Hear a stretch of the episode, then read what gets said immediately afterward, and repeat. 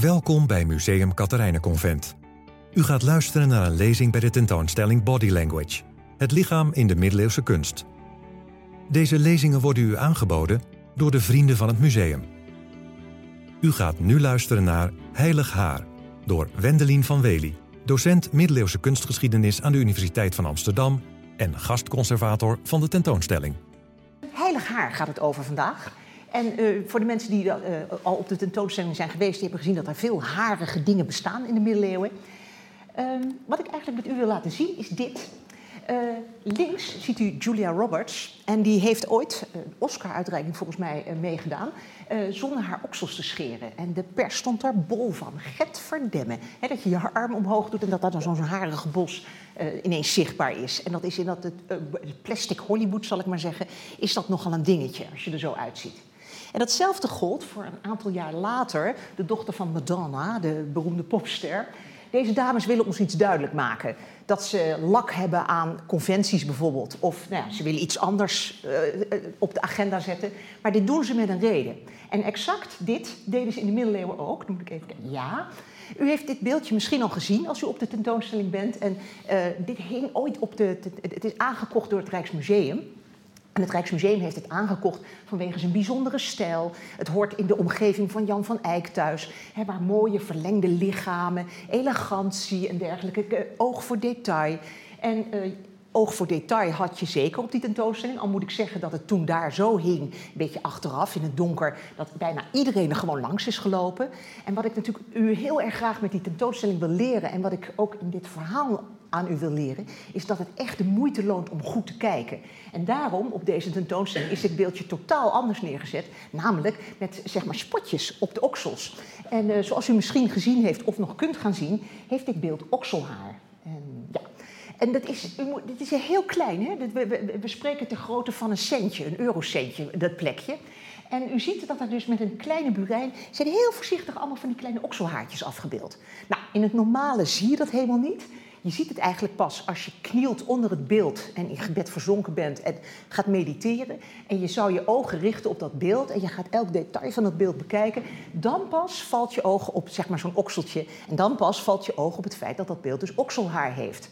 En het beeld heeft niet alleen okselhaar, maar het heeft ook schaamhaar. Dit is zeg maar de lendendoek. En als ik daar nog een beetje op inzoom. En het gevaar is natuurlijk dat u gaat denken: wat heeft die vrouw een vieze voorkeuren voor dingen en zo. Maar weet u, als kunsthistoricus leer je gewoon heel goed kijken. En dat is nogmaals wat ik heel graag u ook wil overdragen.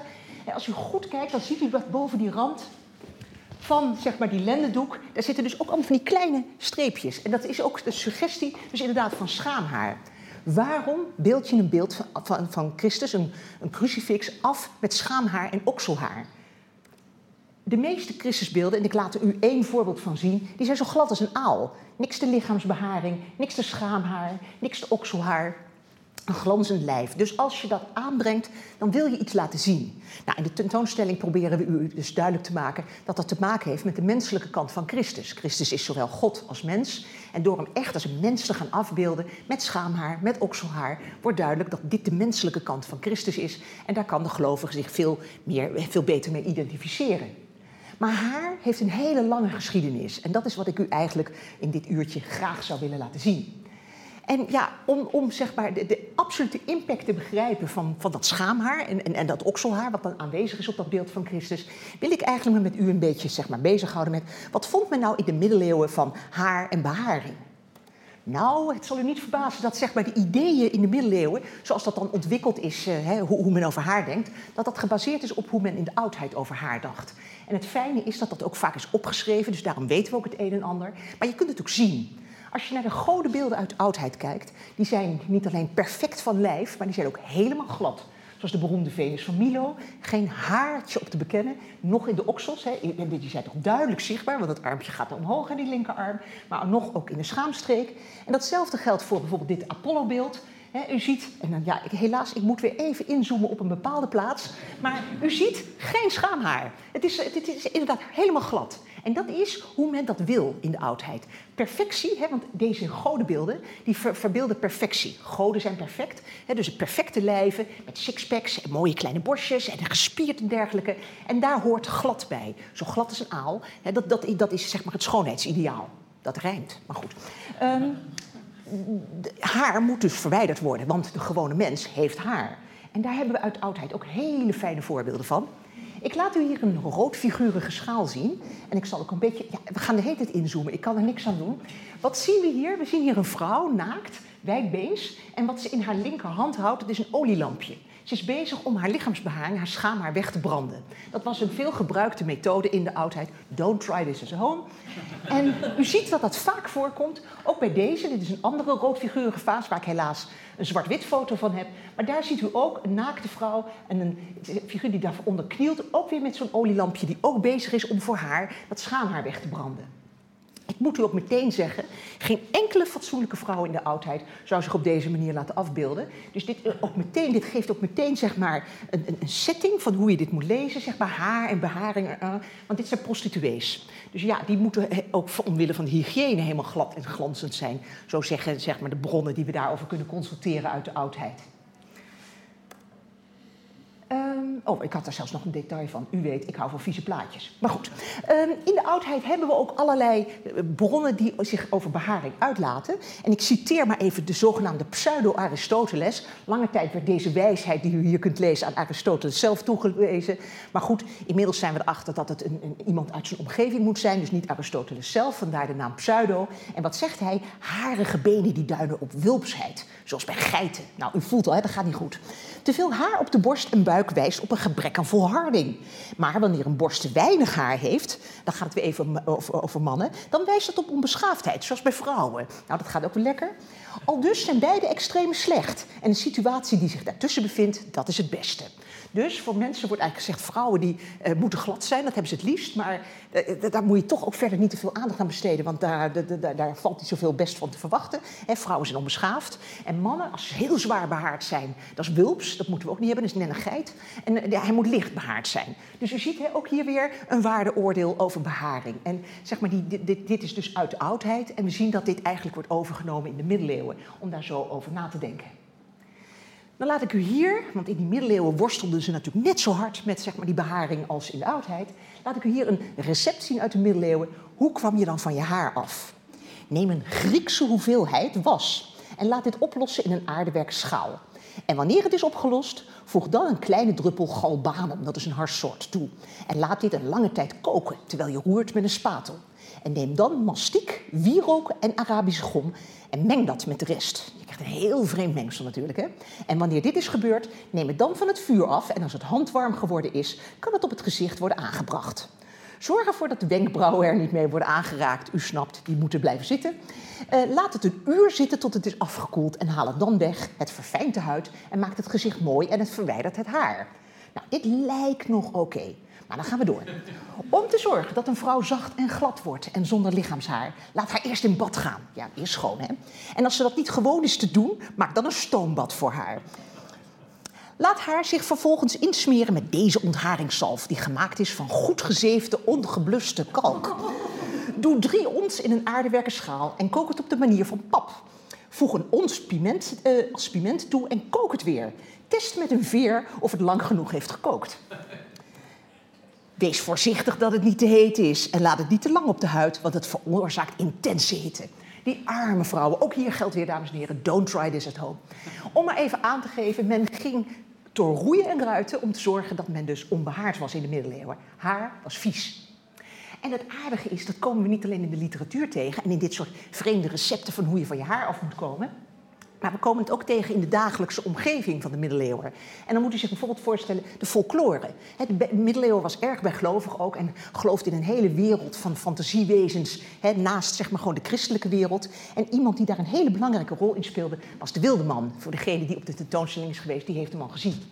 En een wilde man, dat was iets waar men heel erg bang voor was in de middeleeuwen. Dat was, hij leek wel een mens, maar hij was het niet. En om dat aan te tonen, dat, het dus een mens, eh, dat hij op een mens lijkt, maar het niet is, werd vooral zijn hele onbeschaafde kant benadrukt. Hij leek wel een beest. En ja, hoe laat je zien dat iemand wel een beest lijkt? Door hem vol in zijn haar weer te geven. Dus u ziet, hè, hij over zijn hele lichaam is hij bedekt met krullend haar. Nou, dat is natuurlijk onbeschaafd, dat kun je het niet hebben. Wat doet zo'n wilde man? Die jat je vrouwen. Kijk uit, hou je dochters binnen. En dat zien we in diverse handschriften afgebeeld. In de marges, waarin vaak zeg maar, anekdotische dingen worden gezegd, maar ook kleine waarschuwingen, zien we dus veelvuldig de wilde man optreden die dus vrouwen rooft. In ditzelfde handschrift heeft zelfs nog een heel stripverhaaltje eraan gewijd. Hier zien we ook weer zo'n wilde man een vrouw lastigvallen. En nu ziet hij, wil haar meenemen. Zij houdt zich aan die boom vast. Nee, nee, laat mij. En vervolgens probeert de wilde man het nog een keer. En u ziet dat vreemde ding wat hij in zijn linkerhand houdt. Dat is een knots. Die heeft hij gemaakt van een, van een, een, een dierenbot. En daarmee probeert hij er dus nu zeg maar uh, ja, te roven. Maar uiteindelijk loopt het gelukkig goed af. Er komt een koene ridder aan, die steekt de wilde man neer. En zo kan hij zeg maar, deze vrouw weer redden. Nou, prachtig allemaal. Die wilde man, daar was men dus echt bang voor. En wat in de middeleeuwen ook heel populair is, zijn verhalen rond koning Alexander de Grote. En Alexander de Groot is natuurlijk iemand die in de oudheid heeft geleefd. Dat wisten ze in de middeleeuwen heus wel. En ze zagen Alexander de Groot als iemand die het kwaad bestrijdt. Hij was het goede en hij bestreed het kwade. En wat bestreed hij onder andere? Er zijn allerlei gevechten overgeleverd... die dus in romans aan de middeleeuws publiek worden gepresenteerd. En daarin heeft koning Alexander de hele tijd de hoofdrol en ontmoet hij allemaal hele vreemde volkeren die hij bestrijdt. En een van de vreemde volkeren die hij ontmoet, die ziet u hier afgebeeld, wilde mannen. En ik zal ze nog eens wat dichterbij halen. Dan ziet u, ze zijn helemaal bedekt met haar. En enger, we hebben niet alleen mannen, maar helemaal voorin, we hebben ook wilde vrouwen. Met loshangend haar. En ze zien er heel hysterisch uit. En om nog eens even duidelijk te maken hoe onbeschaafd en hoe smerig ze zijn, is ook nog een dik vet zwijn onderin afgebeeld, hè, met enorme slagtanden. Dus het mogen duidelijk zijn, wat hier zeg maar die arme Alexander de Grote aanvalt, dat is iets wat heel gevaarlijk en heel smerig is. Het komt ontzettend vaak voor. Dit is weer een ander handschrift wat ik u hier laat zien. En hier ziet u ook, hè, hier heeft de wilde man een vrouw geroofd. En hij heeft haar ook al van haar kleren ontdaan.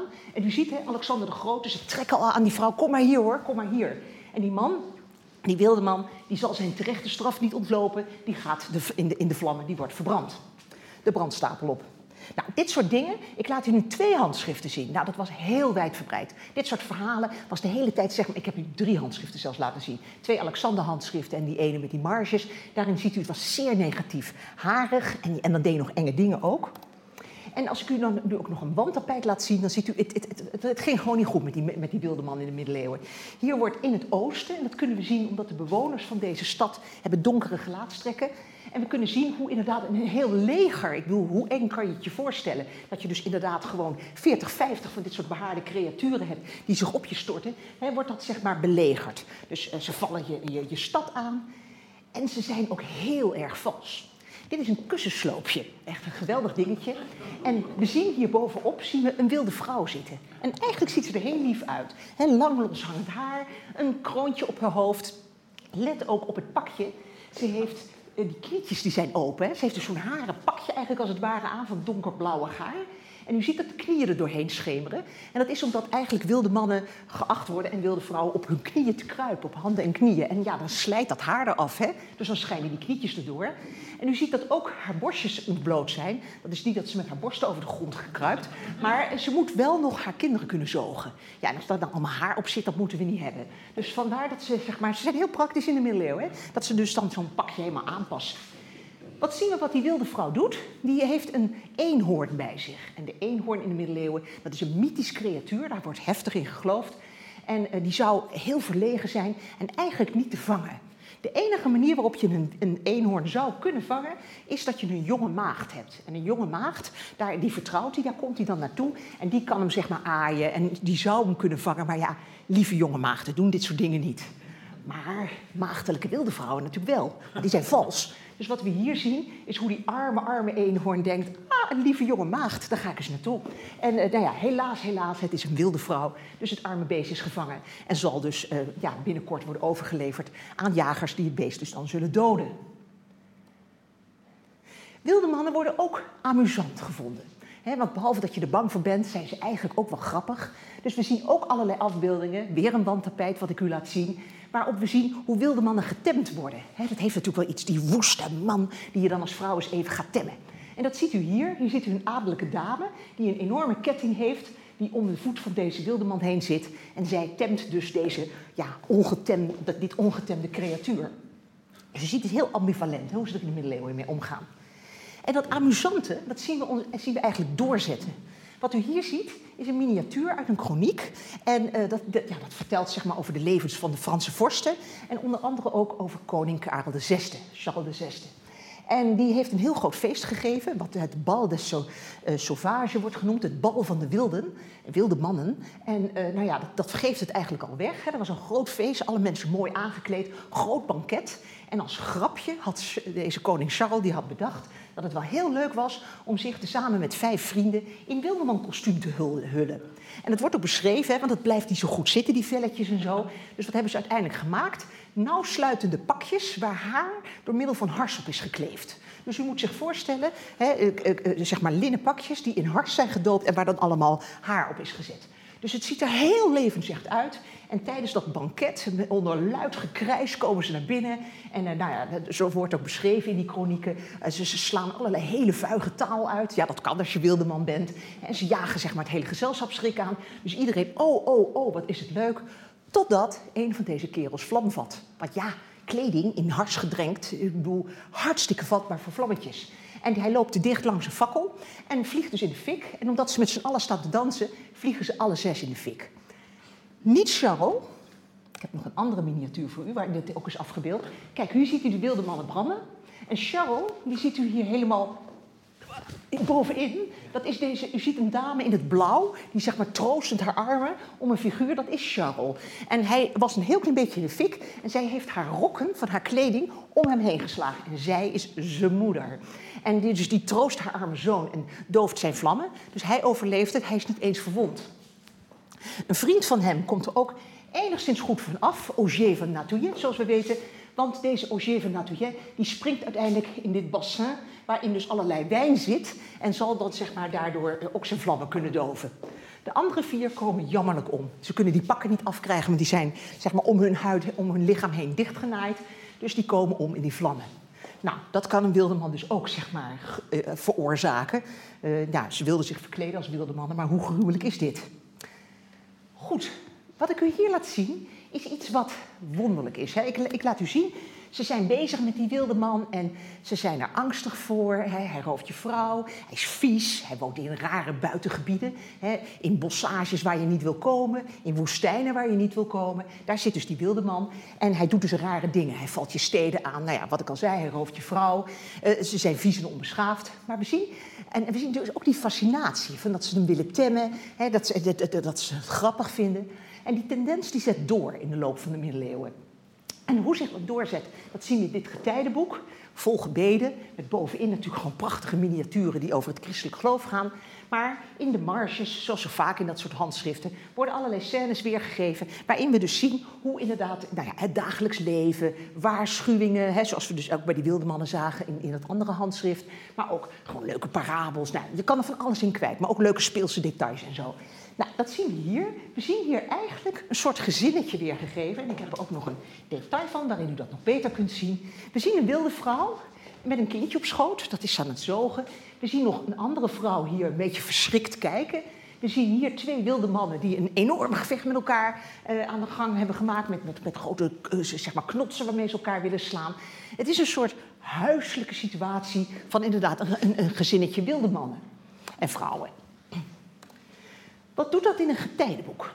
Ik laat u hier een ander getijdenboek zien. Adam en Eva met hun gezin. Zoals u weet, Adam en Eva uit het paradijs gejaagd. Die krijgen te horen, in het zweet des aanzijn zult u werken... en uh, u zult met barendspijlen uw kinderen ter wereld zetten. En hier zien we ze. Adam is gezellig aan het werk, die vlecht mandjes. En uh, Eva die voedt een kind. Heel grappig, ze heeft inderdaad Kaan en Abel als kleine kereltjes. Maar ze heeft ook nog een derde kindje op schoot wat ze aan het voeden is. En als u goed kijkt, hè, dan, ja, dat, is, dat ziet er nog heel onbeschaafdig uit. Dit zijn geen mensen in mooie kleding. Dit, is nog heel, dit symboliseert eigenlijk een primitief gezin. En bovenin ziet u hoe dat verder gaat met dat primitieve gezin. Want daar is de beroemde broedermoord afgebeeld. Kaan en Abel die met elkaar in gevecht raken omdat Abel jaloers is op Kaan. En hoe hij hem dus uiteindelijk de hersens inslaat. Het is niet voor niets, dit lijkt op elkaar. Dit gevecht en dit zogen daar zogen en het gevecht. Wat we hier eigenlijk in dit getijdenboek zien, dit soort afbeeldingen waren bekend in de middeleeuwen, is dat men visueel, als het ware, probeert te laten zien, ja, het is wel heel onbeschaafd dit. Maar ze doen ook leuke dingen. En eigenlijk moeten we ze zien hè, zoals de primitiefste stadium van de mens, Adam en Eva, hoe het daaraan toe ging. Dat is ook zeg maar, het prille begin. Zo moet je dit eigenlijk ook lezen. Dus wat we hier zien is eigenlijk hoe langzamerhand zo'n wilde man een beetje acceptabel wordt gemaakt aan het einde van de middeleeuwen. Dat moet u even in uw achterhoofd houden. Vieze wilde man en die wordt langzamerhand acceptabel. Dan neem ik u nu mee naar de Bijbel. Want ik zei tegen u, hè, hoe kijken ze in de middeleeuwen tegen haar aan? Nou, we hebben nu in de folklore gekeken. Nu wil ik met u gaan kijken naar haar, de rol van haar in de Bijbel. Nou, iemand die zeg maar, bekend is om zijn haar in de Bijbel is de figuur van Samson. U weet het, Samson, hele sterke man met vreemde krachten. En hij weet, zijn krachten zijn verbonden met zijn lange haar. Hij mag zijn haar niet knippen. Op het moment dat hij zijn haren zou knippen, is hij zijn krachten kwijt. Nou, dit uh, handschrift laat zien in een zeg maar, hele grappige, beetje woestige miniatuur hoe dat dan gaat zeg maar, met die Samson. hij vecht eindeloos, vooral met de Filistijnen. Daar, heeft hij een, uh, nou ja, daar, daar, is veel gedoe mee. U ziet links hoe hij dus helemaal in zijn eentje die Filistijnen allemaal in de pan hakt. U ziet ook, er behalve bloed ook bij uh, aanwezig. En Samson heeft inderdaad lang golvend haar, tot aan de bilna toe. En dat gaat zo door. Hè. Samson wordt op een gegeven moment ook gevangen genomen door die Filistijnen. En dan binden ze met zijn haar aan zijn boom. Maar uh, hij, hij weet zich los te krijgen, want hij is zo verschrikkelijk sterk. Totdat, u kent het verhaal waarschijnlijk wel, hij Delila ontmoet. En Delila is een mooie vrouw, maar hij heeft eigenlijk het karakter van een wilde vrouw. Ze, ze, ze, ze, is misleidend. Dus ze faked dat ze zeg maar, Samson heel leuk vindt. Samson wordt tot zijn oren verliefd. En heeft uiteindelijk, als hij in slaap is gevallen, niet in de gaten dat ze hem hier dus eh, van zijn haren ontdoet. En u kent het verhaal, de Filistijnen staan al klaar om hem te arresteren. En hier ziet u het gevolg. Een kale Samson wordt inderdaad, daar worden de handen van gebonden. En hij wordt ook nog blind gemaakt, daar heb ik zo meteen ook een hele vieze miniatuur over. Dit wordt een heel geaccepteerd iets in de middeleeuwen. Dat idee van die man die zo verschrikkelijk sterk is, hè, vanwege zijn lange haar. Maar die dan zeg maar, door de liefde voor een vrouw en gewoon dom, dom, dom, zeg maar, zichzelf in het ongeluk stort. Dat wordt iets wat we in allerlei situaties gaan zien. Want net was een illustratie in de Bijbel, maar dit is een illustratie van de roman de la Rose. Waar ook zeg maar, nou, de dwaasheid van verliefdheid wordt aangekaart wordt. En dan onmiddellijk komen er dit soort miniaturen. De grote sterke Samson die zich door, zijn vrouw, door, door, door die vrouw Delila laat, laat scheren. En dat ziet u hier ook. Dit is een wat jongere miniatuur of een oudere miniatuur. En daar ziet u haar een enorme schaar waarmee ze dus zeg maar dat haar van Samson knipt. En deze, dit is die gruwelijke miniatuur. Hier ziet hij ook he, overdreven lang haar, waarmee zij dus met een soort vuilig lachje inderdaad he, langzaam dat haar afknipt. En u ziet hier, is hij kaal geworden en hier steken ze zijn ogen uit met een priem. In de middeleeuwen schuwde zij detail niet, zoals u inmiddels merkt. Dat is wat betreft Samson. Het verhaal is, hè, in je haar zit je kracht en als je stom bent, dan raak je dat haar kwijt. Haar heeft eigenlijk, als je door de Bijbel heen kijkt, een negatieve connotatie. Want we kennen nog iemand anders, namelijk Absalom, de zoon van koning David. Heel verhaal, maar het komt er uiteindelijk op neer dat Absalom zich tegen zijn vader keert en de macht wil overnemen. Nou, dat kan niet. Hij is de lievelingszoon van uh, koning David. Dus koning David zegt: Oké, hij moet gearresteerd worden, hè, want hij komt in opstand tegen mij, maar dood hem niet. Nou, dat gaat mis. U ziet, Absalom vlucht op zijn paard, want hij wil helemaal niet gearresteerd worden. Maar Absalom was iemand, dat was echt een beetje een modefatje, met heel lang golvend haar. En nou, hij voelde zich heel lekker daarmee. En hij rijdt dus op zijn paard weg met dat lange golvend haar. En dat blijft haken in de boom. Ik heb daar zelfs een detail van, wat ik u zal laten zien. Kijk, hoe ze dat in de middeleeuwen doen. Hoe die daar dus hangt, met dat haar om die tak heen gedingest. En daar hangt het spartelen en zijn paard rent door. Nou, hij is dus helemaal hulpeloos, want dat ziet u natuurlijk. Vervolgens dan komen zeg maar, de mannen die op hem jagen aan en die doorsteken hem. Ik weet niet of u het kunt zien. Dat is een soort rode, hele dunne speer die hem in zijn hart raakt en nou, dood. Ook dat verhaal spreekt enorm tot de verbeelding van de middeleeuwen. Haren, hè, ijdelheid, daar kom je door ten val. En dan wilde ik u deze miniatuur niet onthouden. Absalom wordt hier begraven. En waarom laat ik u dat hier zien? Hij heeft geen haar meer, zoals u kunt zien. Hij heeft kort haar. Maar zijn haar hangt in de bomen daar nog. Gewoon zo'n dikke klont. Moraal van dit verhaal. Haar is vies dat zie, en onbeschaafd. Dat zie je bij de wilde mannen. En haar is ijdel en, en brengt je ten val. En dat zagen we bij Samson en Absalom.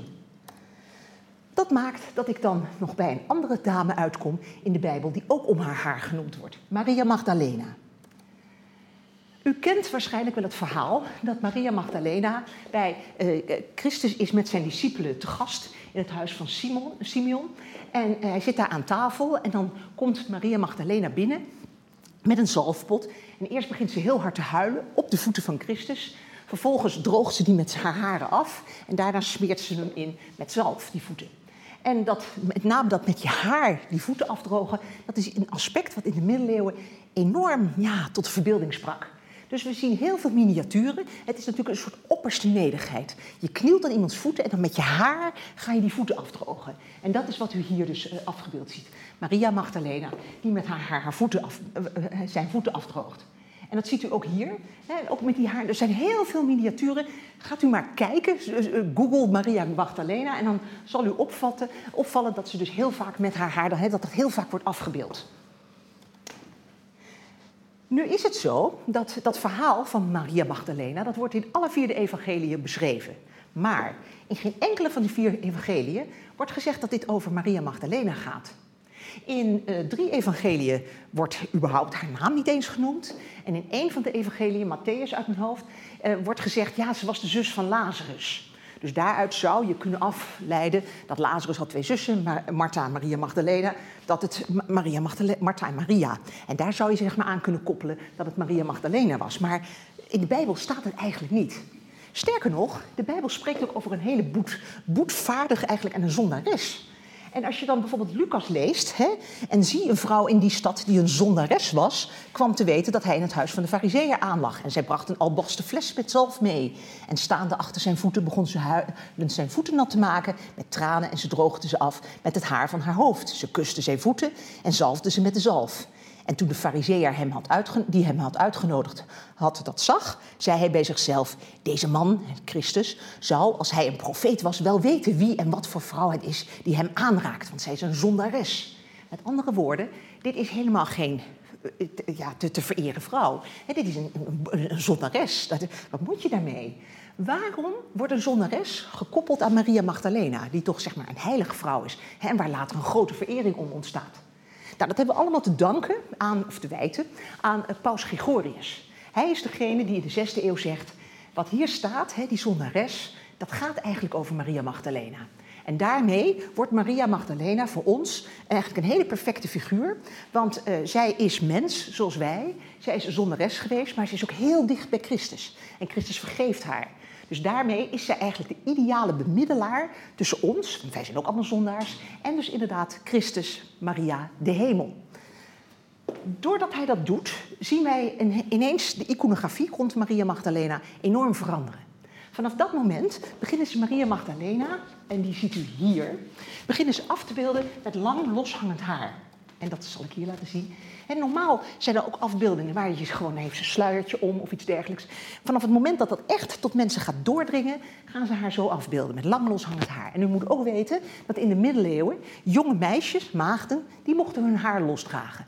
Maar als je een wat oudere vrouw was, dan werd je geacht, hè, volwassen geworden, dan werd je geacht je haar op te steken en er een sluier overheen te hangen. Word jij dan alsnog met loshangend haar afgebeeld, dan is het mis. Dan ben je eigenlijk een prostituee, iemand van lichte zeden.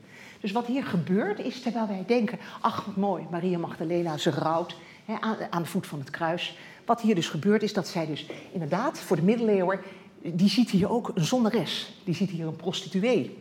Iemand die heel brouwvol is. En daarmee krijgt die Maria Magdalena een heel soort vreemde kleuring. En dat allemaal vanwege haar haar. Waarmee ze dus die voeten van Christus gezalfd zou hebben. En hier zie je dat ook. Hè. Dit is ook een kruispaneel. En als ik Maria Magdalena bijhaal, ze is prachtig gekleed en toch ook loshangend haar. En dat is hier dus echt het symbool van inderdaad een, een vrouw van lichte zeden. Terwijl bij andere vrouwelijke maagden, daarvan weten we dat ze heel jong waren en dus maagd waren, ja, die zie je ook vaak met lang haar. Goed, dan hebben we dus gehad hoe Maria Magdalena in die Bijbel dus ongewild uh, de nadruk op haar haar krijgt. Terwijl ze waarschijnlijk niet eens degene is geweest die met haar haren die voeten van Christus heeft gedroogd om, dus zeg maar, ik wil, ik wil naar iets toe en daar heb ik iets anders bij nodig. Zeg maar, de we zijn nog steeds in die leefwereld van die middeleeuwen bezig. Hè? Dus die heeft de Bijbel als voorbeeld, waarin haar een vreemde rol speelt. Die heeft de folklore als voorbeeld, waar haar een vreemde rol in speelt. En die heeft ook de heilige als voorbeeld, waarin haar ook een vreemde rol kan spelen. Ik laat u hier een miniatuur zien waarin um, de, de, zogenaamde Paphnutius van Egypte, dat is een monnik, die, uh, die is uh, op zoek naar, hei, naar harige heiligen. En eigenlijk niet zozeer harige heiligen, maar hij is op zoek naar heiligen die in woestijnen leven en al het zeg maar, aardse genot en dergelijke hebben verzaakt. In de eerste eeuw na Christus heb je namelijk een aantal mannen die trekken de woestijn in en die, die willen niets meer met zeg maar, het, het, het, normale leven te maken hebben. Dus die gaan in de woestenij zitten, hebben daar ook vaak geen behuizing, dus leven in grotten. En ze leven eigenlijk van, ze zijn de hele dag aan het mediteren en ze leven van het eten wat ze aangereikt krijgen door gelovigen die naar ze toe komen en die zeg maar wijsheden van ze willen horen en dergelijke dingen. Dus het zijn hele vreemde wezens die zeg maar, nou ja, zich hebben onttrokken aan de normale samenleving. En dat heeft heel veel zeg maar, uh, aantrekkingskracht op mensen. Dus mensen trekken die woestijn in om dergelijke mensen, eh, die, die mannen te vinden. En daar dan gesprek mee aan te gaan. En dan nemen ze dus eten mee en dergelijke dingen. Nou, dat is wat we hier zien afgebeeld. Deze Paphnutius die heeft eerst Timotheus de Heremiet ontmoet. Die ziet u links. En vervolgens ontmoet hij Onofrius van Egypte. En die ziet u rechts. En wat u misschien al opvalt, en ik zal even eentje in detail bijhalen, is dat deze mannen er hoogst merkwaardig uitzien. Namelijk totaal behaard en dan met van die rare blote beentjes eronder. En dat haar wat ze hebben, dat komt allemaal uit hun hoofd voort. En dat hangt zeg maar allemaal zo om zich heen. Goed, hoe komen ze daaraan? Het verhaal is dat deze Onofrius, die we hier dan ook weer afgebeeld zien, dat nou ja, eigenlijk al die kerels die in die woestijn zitten, die zijn de hele dag daar bezig en, en ze hebben niks meer. Dus op een gegeven moment hebben ze ook geen kleding meer. En ja, dan wordt er gezegd dat is als een soort van wonder, gaat hun haar groeien en ja, bedekt ze dan een beetje als het ware. Nou, dit soort harige heiligen, die worden heel populair in de middeleeuwen. We zien ze ook al, en eigenlijk door de hele christelijke wereld heen. Ik laat u hier een kerk zien uit Cappadocië, dus zeg maar het huidige Turkije. En daar ziet u ook deze Onofrius. En daar hebben ze het nog een beetje anders opgelost. daar, want dat, dat, was ook het idee, die man loopt in de woestijn, die heeft geen kleding meer. Nou, hij heeft heel veel wit haar, zoals u kunt zien. Maar verder is hij gewoon naakt. En dat hebben ze opgelost door daar heel elegant een plantje voor te laten groeien. Dat je dus niet meteen naar die geslachtsdelen kijken. Maar dat kan je niet altijd doen. Dus wat zien we? op een gegeven moment gaan ze iets bedenken. En, en, onder invloed ook van dat verhaal, dat, hij, dat, dat, dat die heiligen zoveel haar hebben, gaan ze dit soort rare pakjes maken. Hij, hij, ziet eruit als een soort kokon van haar waarin die ingewikkeld is. He, en waarin dat hoofd dan zo'n beetje uitpiept. Een soort hele rare, nou ja, een soort, soort duster van haar zal ik eigenlijk maar zeggen. Dus, en dan, wat ik ook zo mooi vind, hij is dan helemaal behaard. En die hele lange witte baard die dan als zo'n soort ritsluiting over dat pak heen loopt dit soort heiligen, wat ik u al zei, die worden hartstikke populair. Niet alleen in het oosten, maar ook in het westen, bij ons. Dit beeld bijvoorbeeld, waarschijnlijk in Duitsland gemaakt, toont ook Onofrius. En u ziet, hè, ik hoop dat u ziet waar dit vandaan komt. Hij is als een wildeman afgebeeld. Hij heeft de blote knietjes. Nou, het is een man, dus hij hoeft niet te zogen. Dus op de borst is het allemaal netjes met haartjes. Maar hij heeft dus het haren pakje van de wildeman aan. En waarom is dat? Dat is eigenlijk, dat is dus niet om aan te geven dat Onofrius een viezerik is... of een man hè, waar, waarmee je niet in aanraking moet komen. Integendeel, dat haar is hier een soort geusteken. Het geeft aan dat hij zeg maar in een onbe, onbewoonbaar gebied woont. Hij woont in een woestijn. En ja, daar wonen die wilde mannen ook. Hè, en die hebben dit soort dingen aan. Dus dit haren pak, dit refereert aan het feit dat hij dus zeg maar in, in, in onherbergzame gebieden woont. En dat is ook wat we hier op deze afbeelding zien. Ook Onofrius, ook Duitsland. En daar ziet u ook, en daar hebben ze zelfs nog, ja, want het idee was toch, hij kan wel zo'n haren pak aan hebben, maar hij is toch naakt. Dus voor de zekerheid doen we hem ook nog een soort bladeren rokje aan.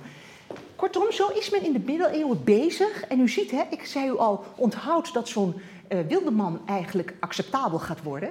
En zie dan daarnaast deze ontwikkeling van dit soort harige heiligen, die ze dus als wilde mannen gaan afbeelden. En ja, hiervan kan je niet zeggen dat ze smerig zijn. Dus eigenlijk kan je in deze context zeggen dat haar langzamerhand acceptabel gaat worden. En dan laat ik u deze zien. Ik zei u al, het is bonton om naar zeg maar, dit soort onherbergzame gebieden af te reizen en dan uh, op zoek te gaan naar dit soort harige heiligen. En dat doet ook ene Zosimus, die reist ook. En die beschrijft hoe hij dan op een gegeven moment in een woestijn zit en een soort geritsel in de struiken hoort. En dan komt daar toch wel een heel onmogelijk viesharig wezen naar, voren. En hij aarzelt, want is dat nou een man die op hem afkomt? En nou ja, het ziet er niet uit. Dus hij vraagt van dat wezen, wie ben jij? Daar wil ze geen antwoord op geven, maar ze wil wel vertellen dat ze ooit als prostituee in Alexandrië heeft gewerkt. En uh, daar was ze dus uh, nou ja, enorm populair bij de mannen.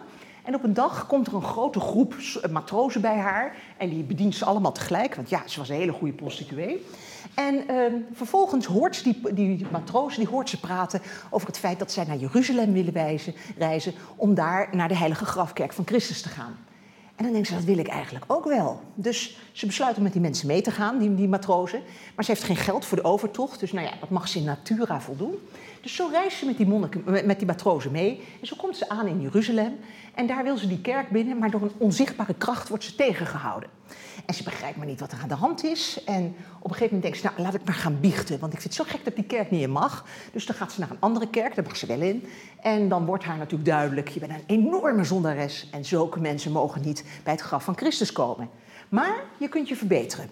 Als jij naar de woestijn gaat en daar boete gaat doen, en daar heel lang blijft tot je een teken krijgt dat je zeg maar, mag terugkeren naar de normale maatschappij, dan worden je zonden je vergeven. En dat doet zij. Ze, neemt, ze krijgt drie boden mee. En drie is natuurlijk een symbolisch getal: hè? de Vader, de Zoon en de Heilige Geest. En met die drie boden reist ze af naar de woestijn. Dus, eh, door een wonder kan ze al die jaren van, van die broden blijven eten. Die blijven zeg maar dezelfde consistentie. Het enige is, het is zo gruwelijk in die woestijn dat de zon haar kleding die ze aan heeft, eh, ja, die verzenkt die. Dus uiteindelijk heeft ze helemaal geen kleding meer. En ook dan gaat bij haar haar haar groeien en bedekt haar, haar schaamte, zoals dat dan zo mooi staat in die, in die legendes.